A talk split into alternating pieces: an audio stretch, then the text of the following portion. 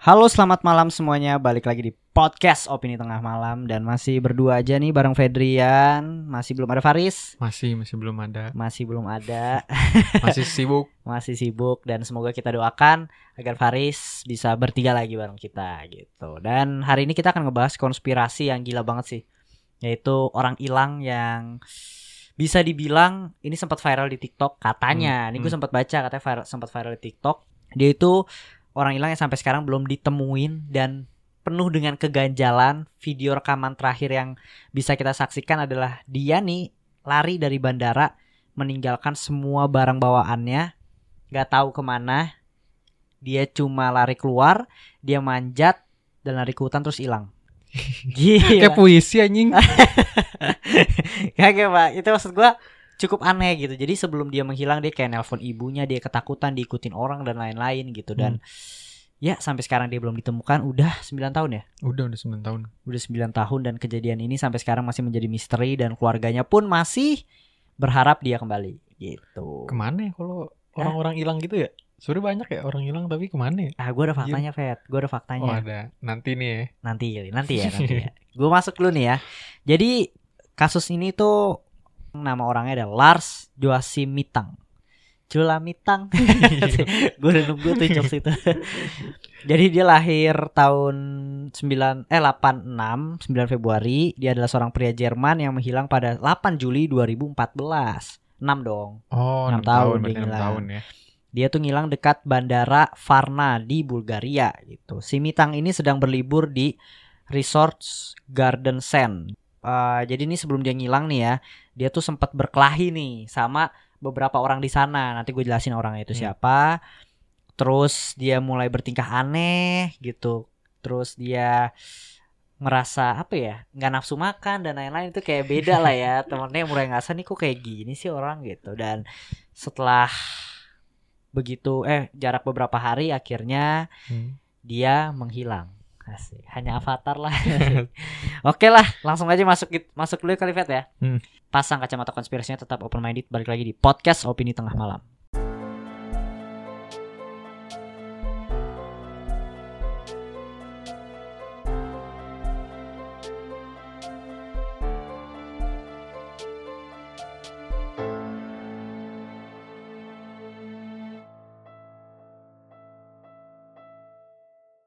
Oke, nah itu tadi kurang lebih sinopsis atau gambaran sedikit tentang Lars Joachim Mitang ini. Nah, tapi gue mau nanya Hmm. ke lu nih.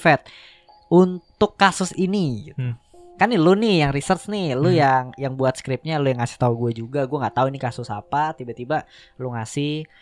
Kenapa lu ngambil kasus ini dan menurut lu nih orang metong apa sih? Mitang Met- metong Metong jadi atau atau hilang? jadi jadi banci dong metong.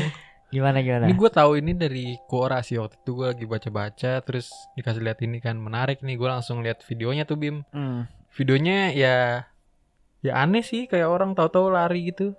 Keluar tanpa bawa barang ya? Bener-bener kayak larinya kenceng sprint gitu ya keluar terus kayak nyari-nyari jalan buat keluar gitu kayak pengen gelisah banget dah di situ pengen pengen cabut Ini mungkin salah satu apa ya?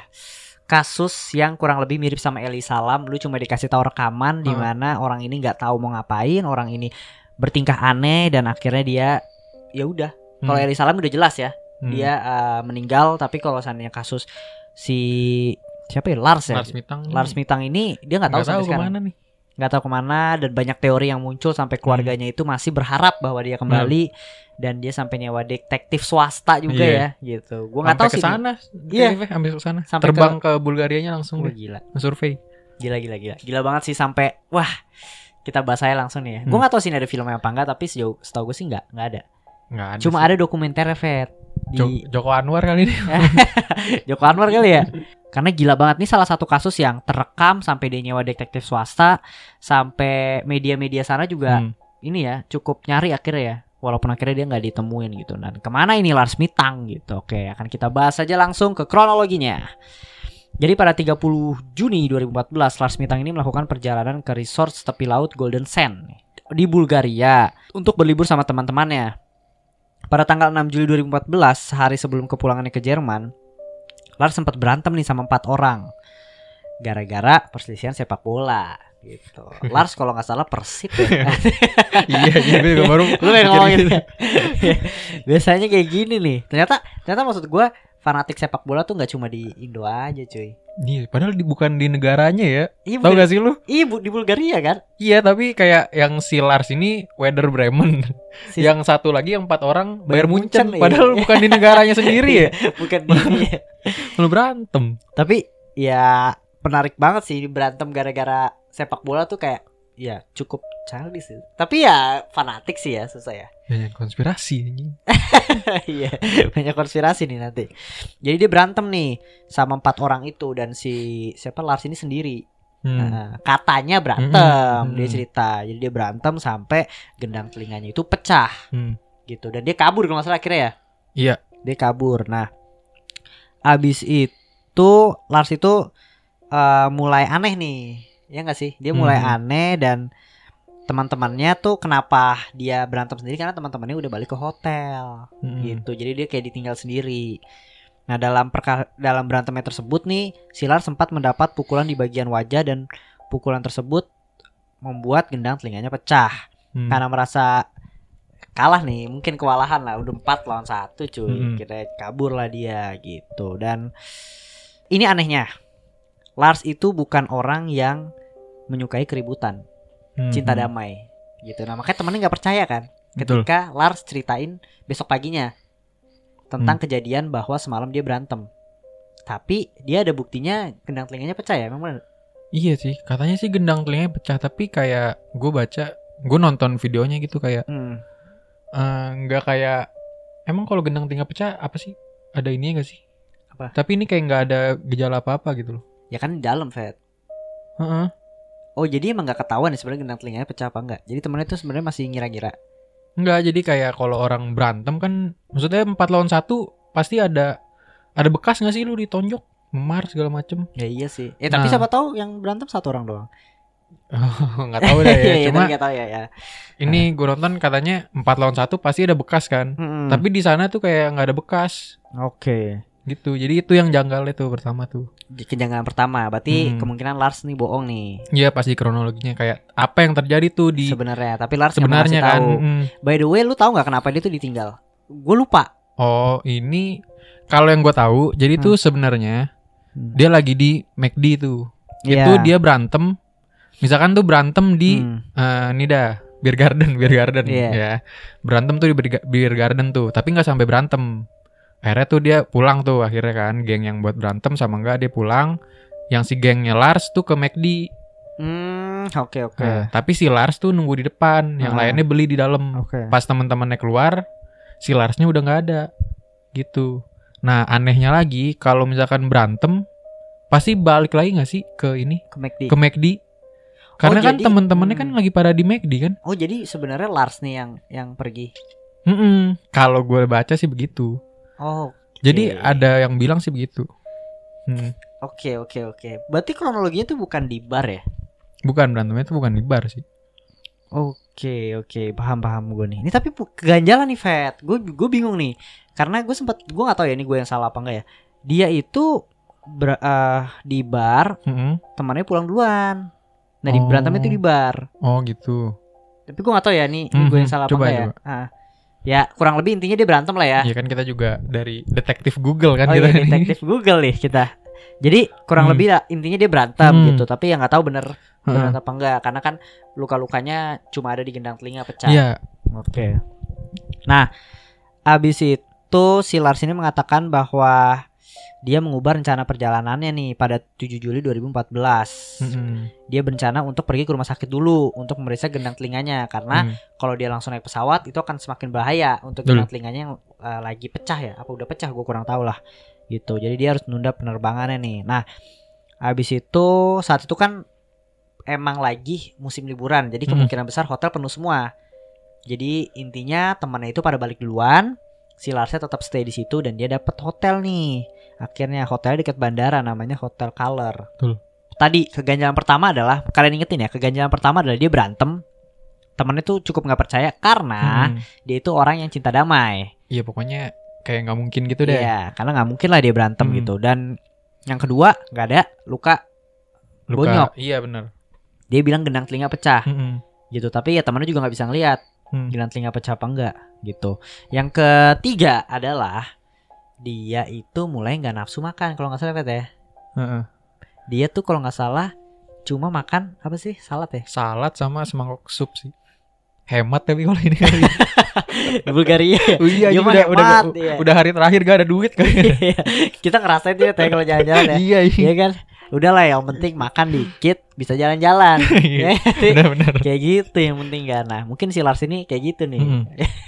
Bisa jadi. Tapi kagak lah. Balik lagi ke Lars itu Lars tuh bukan orang yang kayak gitu katanya. Mm. Tapi di situ temannya tuh udah mulai curiga gak sih? Iya ya sih. kayak lu misalnya deh kayak gua nih. Lu tiba-tiba aduh nggak nafsu makan lah gini gini gini gini Hmm. gitu. Paling gua kayak ya udahlah makan ntar gue yang bayarin. Jadi, jadi kayak jadi jadi kayak gak ada. Ya maksud gue pasti kelihatan lah teman sendiri udah Iya deket sih. tuh kelihatan. Tapi harusnya juga kayak lagi jalan-jalan jadi makan mulu gak sih?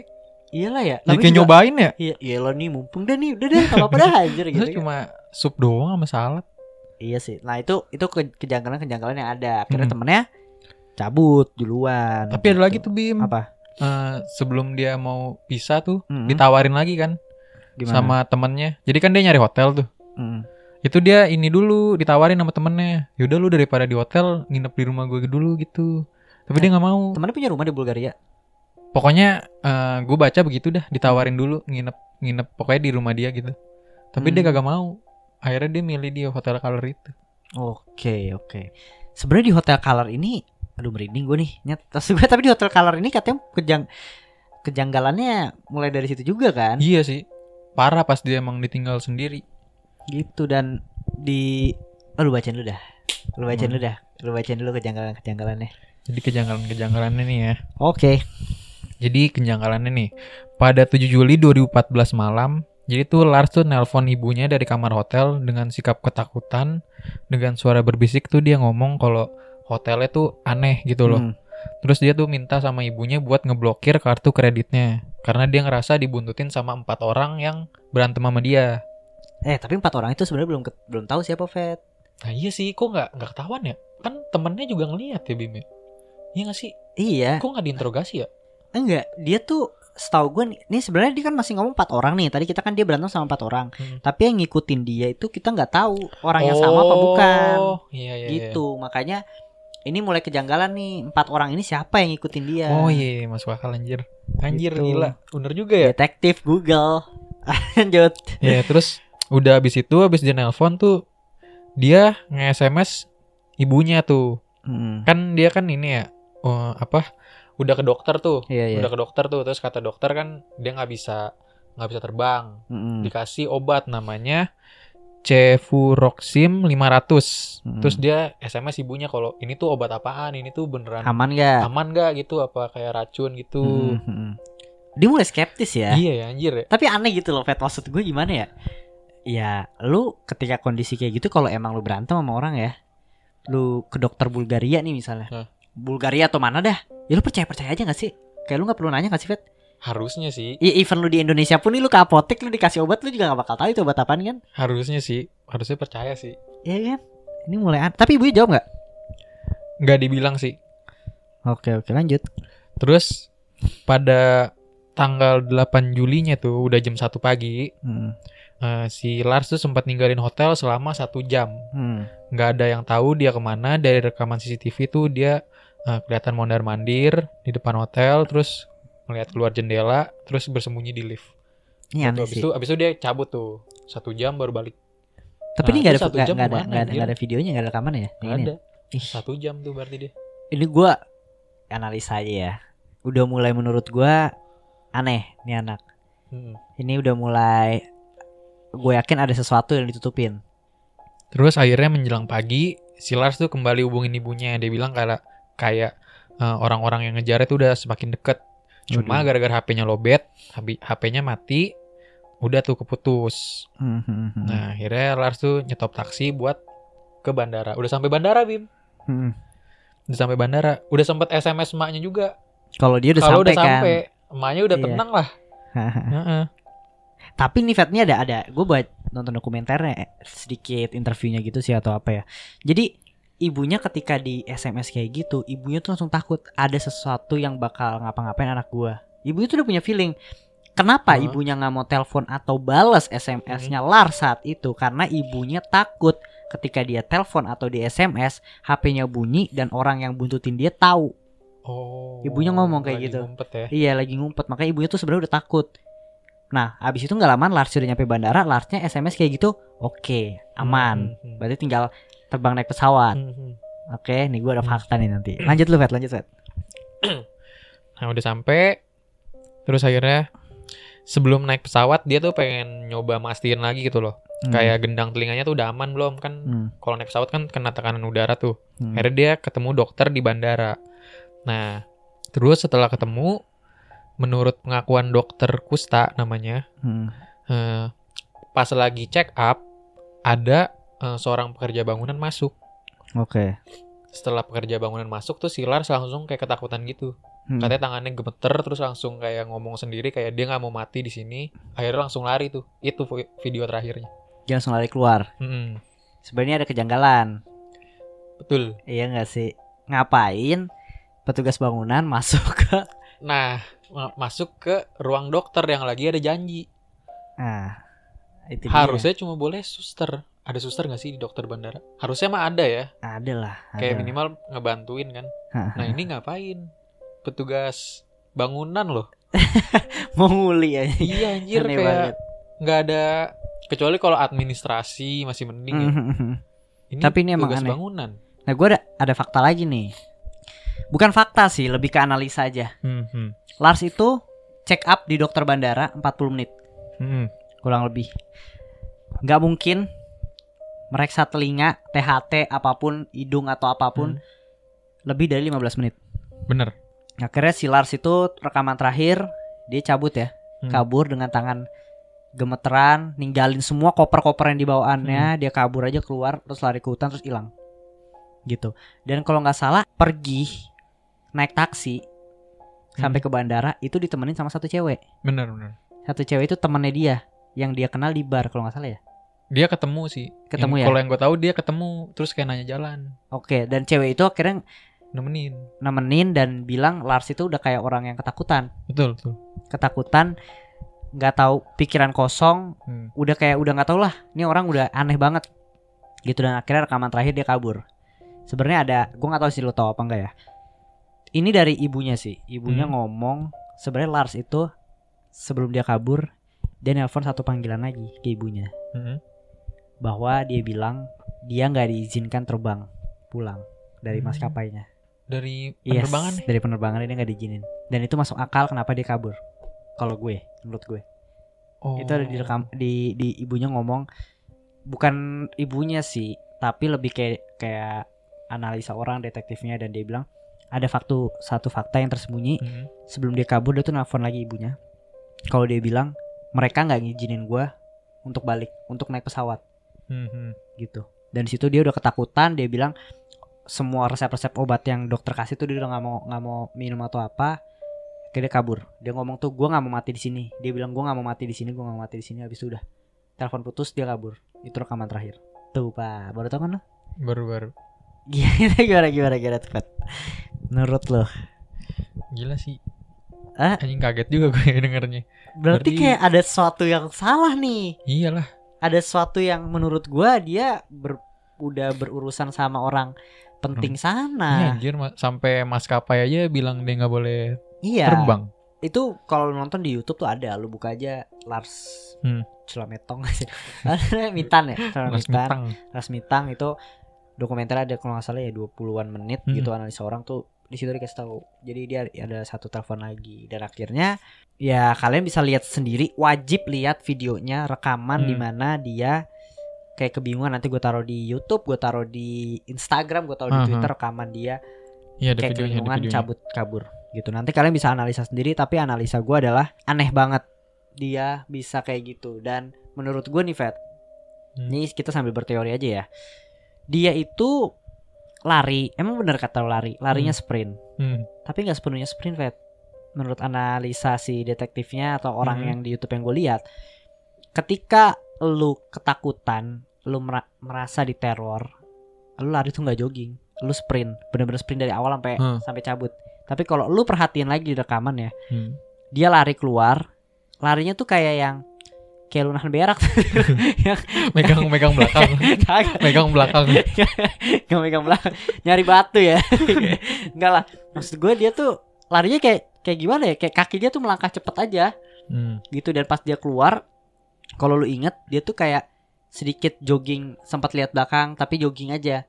Kalau dia merasa diteror dia tuh udah lari yang kayak nggak nggak ngelihat belakang. Ini analisa orang sih ya nggak ngelihat Hmm. belakang pokoknya lari dan teriak-teriak minta tolong atau apa gitu. Tapi yang dilakukan Lars itu kayak lari sambil jogging. Makanya orang-orang di sekitar bandara itu sebenarnya mungkin berpikir kalau Lars itu ada ketinggalan barang atau apa. Bukan bukan orang yang kayak lagi mau dibunuh atau apa karena larinya itu. Anjir. gitu. Makanya pas itu dia manjat kan langsung. Hmm. gitu. Dan itu sih sebenarnya mengganjal sih. Dari semua sih kita bakal berpikir bahwa dia akan dia kayaknya lagi diincar nih sama sesuatu gitu. Tapi di sisi lain ada yang bilang aduh ini bener nggak sih dia bakal diincar atau enggak gitu. Mhm. jadi gue punya teori nih kalau dia tuh di bawah pengaruh obat-obat yang dia Mhm. minum. Dia nggak tahu obat itu berpengaruhnya ke ya jadinya ketakutan jadi paranoid Hmm. gitu loh. Itu yang ngebuat dia jadi ngerasa diikutin dan lain-lain. Karena obat yang diminum dia gitu. Ada yang bilang obat yang dikasih resep dokter. Jadi dia bilang aman apa enggak. Tapi ada yang bilang obat itu ditaruh sama empat orang di bar yang ke- yang si Bayern Munchen atau ini Hmm. jadi dia dikasih obat itu yang akhirnya Hmm. membuat dia paranoid gimana Gue masih nyambung nyambungin yang fakta yang baru gue dapet sama video dia lari sih. Bener juga ya. Apa jangan dia disuruh ini ya? Apa? Kayak kabur gitu dikasih waktu ya. uang kaget Kalau nggak dibunuh. Anjir jadi kasihan sama si Culamitang anjing. Iya anjir. Maksudnya semua barang di- itu yang aneh sih, semua barang ditinggalin juga. Jadi tadi gue recap sedikit kejanggalannya itu tadi ada di pertama pas dia datang ke hotel ya berarti ya tadi ke Hmm. hotel terus dia bolak-balik di hotel selama Hmm. satu jam nggak tahu terus dia akhirnya cabut ke bandara nanya sama orang orangnya juga yang kesaksiannya yang dilihat dia orang kebingungan Hmm. akhirnya sebelum naik pesawat dia ke dokter dulu oh sebelum itu dia SMS ibunya kalau dia diteror dan Hmm. lain-lain. Akhirnya dia nyampe SMS kalau dia udah aman di bandara gitu. Sebenarnya aneh sih Fat. Ketika SMS ibunya gue lagi diteror ketakutan bla bla bla bla bla. Tapi SMS selanjutnya gue udah di bandara aman gitu. Lo kan SMS kayak gitu gak sih? Ke maksud gue ya kalau gue jadi seorang Lars yang diteror pasti gue akan bilang apa namanya kayak ini lagi diteror gini-gini Eh, udah Bimo udah di bandara nih untungnya tapi nggak tahu nih kayak ya panik gitulah atau nggak nelpon atau apa gitu. Kayak gitu sih. Dan aneh juga kayak kenapa harus baterai itu habis gitu ya? Kayak aduh drama lagi gitu loh Pet. Selalu ada ada drama di setiap kejadian kejadian-kejadian hilang kayak gini gitu. Dan abis itu selanjutnya dia ke dokter ya. Hmm. dokter yang harusnya 10 sampai 15 menit. Hmm. nggak mungkin lah lu Apalagi udah tahu kan langsung bilang kayak kendang telinganya kenapa-napa gitu. iya. Dan akhirnya periksa 40 menit ada tukang bangunan masuk Nah iya itu tukang bangunan sih yang paling janggal sih ya. Siapa gitu kan ngapain lebih tepatnya ngapain ya, tapi bisa aja sih Fat kayak mungkin dia lagi benerin emang AC-nya kurang dingin. Asik. Nggak, tapi- ini bang Tapi harusnya nunggu Bim, kayaknya dah Bim. Kalau ada dokter nggak sih pendengar kita nih? Ah, Coba iya, dah, iya. kayaknya harusnya nggak boleh diinterupsi dah. Minimal sama suster. iya sih, Masa iya sih. kerja bangunan anjir? Iya aneh banget ya. Itu udah aneh sih. Gua akuin aneh sih. Ya kurang lebih kayak gitu dan akhirnya Lars kabur. Hmm. meninggalkan semua barangnya dengan lari keluar manjat dan lari ke hutan. Setelah itu Lars nggak pernah ditemuin lagi. Iya, sampai iya. sekarang Lars nggak pernah ditemuin lagi dan keluarganya sampai sekarang masih nyari mereka. Sampai sekarang keluarganya masih naruh harapan kalau Lars itu masih hidup. Iya akhirnya dia menyewa detektif swasta Mm-mm. gitu oke langsung gue baca ini ya Andreas Gutik private detektif nih detektif Hmm. swasta nih yang disewa sama keluarga Lars Mitang ini nah tidak biasanya dia ngomong nih tidak biasanya seorang dokter mendiagnosa selama 40 menit jika gigi atau kuping saya sakit, biasanya dokter hanya memakan waktu 10 sampai 15 menit untuk mendiagnosa. Si Lars itu didiagnosa selama 40 menit. Dokter mendiagnosa Lars juga diinvestigasi oleh Andrea, Andreas dan polisi beberapa kali, tapi jawabannya beda-beda. Ini mulai aneh nih. Menurut gua sekongkol nih. Iya. Iya gak sih? Iya nggak? Dia karena menurut gue cukup aneh aja ketika dokter di mungkin panik atau apa ya gue juga nggak tahu tapi jawabannya itu beda-beda. Nah ini detektif ini akhirnya mulai eh nyari tahu lebih dalam lah gitu. Abis si Lars Mitang itu udah nggak tahu ke mana tuh, pokoknya jadi disebarin kan, selebaran orang hilang gitu, Hmm. foto-fotonya disebarin. Terus banyak eh, laporan-laporan orang eh, yang pernah bilang ngelihat si Lars ini. Terus katanya eh, seorang supir truk tuh ngaku katanya pernah ngelihat orang mirip Lars numpang di eh, di truknya tuh di jalan sepi. Hmm. Tapi ternyata bukan. Gitu. Oh dia orang ya? mirip-mirip juga gitu. Oh, mirip. Terus eh, yang paling mirip sih ini sih Eh, katanya tempat ditemuin gitu orang homeless lagi jalan mirip banget sih gue ngeliat fotonya Bim. Ada Hmm. orang lagi jalan katanya di pinggir jalan nggak pakai sendal di, ditanyain juga bingung dari mana nggak punya identitas terus akhirnya dibawa orang-orang sih udah berharap itu Lars Mitang tapi ternyata itu bukan itu orang Kanada juga Siapa tuh? siapa namanya nih Eh, Dia- namanya si An- Anton Pilpa ternyata bukan Dia orang hilang juga kan? Iya lima tahun dia katanya hilang Malah jadi nemuin orang. iya ya jadi berkah anjing jadi berkah. Nah, ini akhirnya teori-teori liar nih bertebaran gitu. Jadi Lars itu tersesat di hutan, ada yang bilang warga lokal membenarkan teori ini karena bandara dikelilingi oleh hutan dengan banyak pohon yang tinggi gitu. Tapi polisi mencari di sekitar hutan pun dengan anjing pelacak tidak menemukan apa-apa gitu. Karena kalau menurut gue tersesat di hutan tuh nggak mungkin sih. iyalah susah lah. Itu sedikit kemungkinan sangat kecil gitu loh, Fet. Terus yang kedua, Lars menjadi korban perdagangan manusia. Mengingat saat itu Bulgaria menjadi negara dengan peringkat tertinggi di Eropa dengan persoalan hum- human trafficnya. Jika masih hidup, dia bisa jadi dipaksa jadi seorang prostitusi pria gitu. Jadi kayak dijual belikan lah Hmm, dia hmm. untuk untuk prostitusi gitu. Nih nih, nih masih masuk akal ya ini masuk akal nih, ini kuat nih. Selanjutnya itu Lars mengalami paranoia yang diakibatkan oleh obat Sifuroxim 500 yang dikonsumsinya.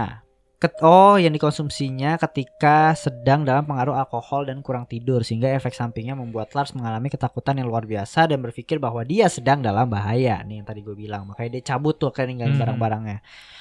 Lars berhubungan dengan grup kriminal kata detektif Andreas mengatakan sebulan setelah hilangnya Lars Andreas bertemu dengan seorang prostitusi bernama Betty yang mengatakan ia melihat Lars di luar daerah Varna gue gak tahu Hmm. Bulgaria juga iya sih masih dari luar daerah situ dan Andreas yakin bahwa Lars berhubungan dengan kriminal yang mengorbankan nyawanya gitu. Andreas percaya statement ini akurat karena didukung oleh seorang detektif yang bekerja internasional gitu. Jadi itu adalah analisa terakhir mungkin ya. Hmm, hmm, Kalau Lars itu grup kriminal gitu, tergabung. hmm, Tergabung atau terpaksa tergabung gitu loh. Mungkin gua nggak tahu lah. hmm. Gimana Fed? Itu adalah kejadian Lars Mitang hilangnya orang yang sampai sekarang belum ketemu, viral banget. Kalian bisa cari tahu dan kebetulan belum dibahas sama Stop Senyum Senyum Asik. atau Detektif Aldo, tau gue. Jadi kalian bisa langsung nonton YouTube-nya Opini Tengah Bener, Malam bener, nanti. bener. Menurut kalian gimana? Apakah dia menghilang atau dia udah nggak ada, meninggal gitu? Tapi Hmm. yang jadi pertanyaan adalah kenapa? Kenapa dia lari dari bandara keluar? Hmm. kenapa dia eh, kita sampai sekarang nggak pernah tahu dia bohong apa enggak dia luka-luka gendang telinga sampai dia harus eh, menunda penerbangannya dia harus telepon ibunya dengan ketakutan dan lain-lain gitu nah ini apa sebabnya gimana Fat analisa lu Fat sebagai detektif Google bingung juga ya. Tapi kalau menurut gua nih Hmm, yang gua hasil setelah analisa-analisa hmm, kayaknya sih dia pas berantem berhubungan sama orang yang salah kali Bim. Hmm. iya gak sih? Thomas Muller. Asik Bayern Munchen kan kayaknya sih. Jadi kayak eh, berhubungan aja dia berantemnya sama orang yang salah gitu. Misalkan kan di bar gitu Hmm, ketemu anak anak jenderal. Iya iya. Terus akhirnya tahu kan? mm-mm. terusnya kan juga Eropa ya. Eropa empat juga orang, ngeri ngeri gitu mungkin yang satu kali kalah satu ya. kali ya Heeh. jadi ya udah dia berhubungan sama orang yang salah sampai gitu dah Tapi emang masuk akal Fed karena dia ngomong kan dia berantem sama empat orang. Ini masih masuk akal Hmm, nih. hmm. Ini relate nih statementnya dia ketika pas dia menunda penerbangannya di SMS kalau dia diikuti sama empat orang. Pasti Hmm. asumsi kita juga bakal ke empat orang yang pertama yang gebukin Hmm. dia gitu. sama paling yang itu sih yang perdagangan manusia kali ya masih masuk itu ya Ya karena akibat empat orang Iya. itu gak sih? karena salah berhubungan sama orang kan berantemnya tuh jadinya ya udah jadi korban begitu tuh habis tahu dia Tapi iya ya, benar gue setuju tuh. Tapi kenapa dia milih hotel color itu, Fed? Kan katanya dia milih kan? hmm. Apa karena karena deket bandara, Fed? oh iya Masuk nih teori gue, karena dia deket Hmm, bandara. hmm, hmm. Jadi dia berpikir kayak gue pengen cepet-cepet cabut aja gitu, bisa bisa gitu dan ya udah. Anehnya kenapa dokter? Kenapa harus ada dokter itu bersekongkol? iya anjir ya. Berarti kayak ya udah nggak Ber- juga dah iya, tapi berarti Fed kalau kayak gitu nih ya, nih gue berasumsi kalau Lars itu nggak bohong ketika gendang telinganya pecah, karena dia ke dokter. iya sih. Sampai dikasih obat kan? Sampai dikasih obat. Sampai dia maksud gua dia ke dokter lagi di bandara. Dan akhirnya di di bandara itu ya ya dia cabut. Nah analisa gua adalah tapi Bim kalau misalkan dia pengen bener-bener pengen balik. Balik aja. Kan Iya. gendang telinganya pecah pak. Apa jangan-jangan dia disuruh ke dokter itu ya?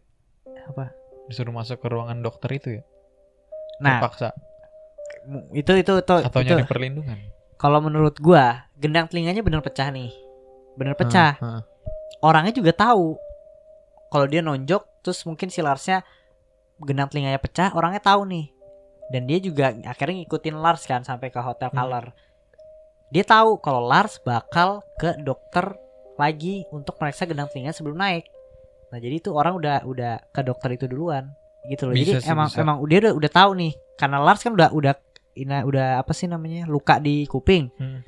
ya dokter terdekat di situ ya bandara gitu loh jadi dia udah udah ke ini dulu dan akhirnya nyaru jadi tukang bangunan Tapi bisa pas juga ya anjir ya. Gendang telinga ya Bim ya.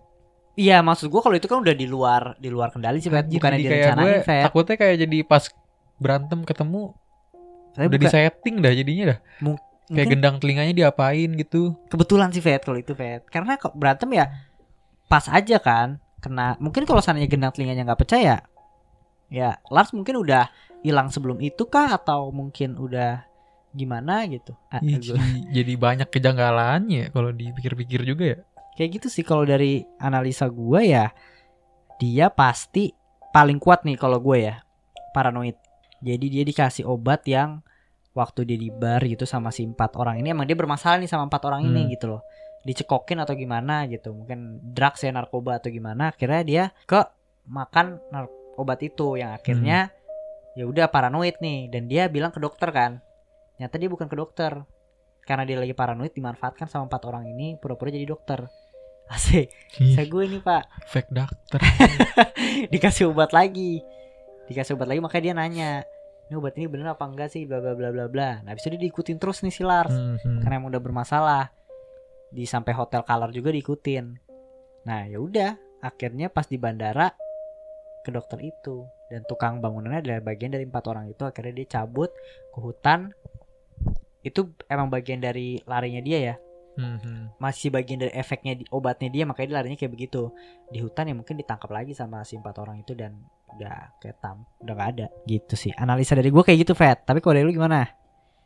Asik so tau banget ya ini analisa gue. Kalau analisa gue sih ya udah sih dia emang berurusan sama orang yang salah sih kayak tadi gue bilang. jadinya dibunuh. Jadinya ya berarti udah meninggal nih? Karena udah menurut gue sih udah nggak mungkin hilang. Udah iyalah udah nggak mungkin hilang lah pasti. Di tahun 2014 mah pasti minimal ketemu orang minjem handphone masih bisa hubungin maknya. nah iya berarti di bawah pengaruh obat Cuma udah pasti udah nggak tahu ke mana dah tuh orang dah. dia tuh katanya kalau dipengaruh obat tuh sampai lupa identitas lupa namanya lupa siapa dia gitu loh kan dia Hmm. juga kabur nggak bawa apa-apa kan Hmm. gitu kalau kemungkinan dia hidup berarti karena pengaruh obat yang akhirnya dia lupa semuanya jadi kayak orang baru aja gitu sih kalau dari dari analisa gue ya ya kurang lebih kayak gitu sih kasus Lars Mitang ini dan sampai sekarang nih kasusnya juga masih gede Masih. gue berharap ada sebuah filmnya ya untuk meran ini karena akan keren banget gue Mhm. yakin dan kalau kalian ada fakta yang menarik tentang Lars Mitang bisa langsung komen-komen aja ya karena kita juga masih Hmm. penasaran nih Bener-bener. ke mana Lars Mitang ini sebenarnya nih kalau dari analisa gue mau Fedrian ya kalau dari gua dia pasti udah nggak ada Hmm. udah meninggal gitu lu juga udah meninggal ya Udah sih. udah meninggal tapi emang keganjalan-keganjalan yang tadi lah yang masih Hmm. aneh gitu dan faktanya sebenarnya ya di Jerman itu setiap harinya selalu ada orang hilang selalu ada Hmm. orang hilang nggak di Jerman juga sih sebenarnya di seluruh dunia. di seluruh dunia tuh pasti ada. Ya kayak gitulah untuk kasus Lars Mitang ini dan teori-teori kita udah kita kasih. Gue minta teori-teori dari kalian, komen-komen juga di sosial media atau di YouTube-nya. Nih kalau ada kalian nonton di YouTube-nya. Dan Hmm. jangan lupa mintalah kayak rekomendasi bang bahas ini dong gitu. Dan doakan bisa kita bertiga lagi ya bareng Faris. Betul. karena kita akan ada kejutan konspirasi berikutnya. Mantap. Gitu. Oke? Tetap dengerin terus podcast opini tengah malam. Tetap open minded selamat malam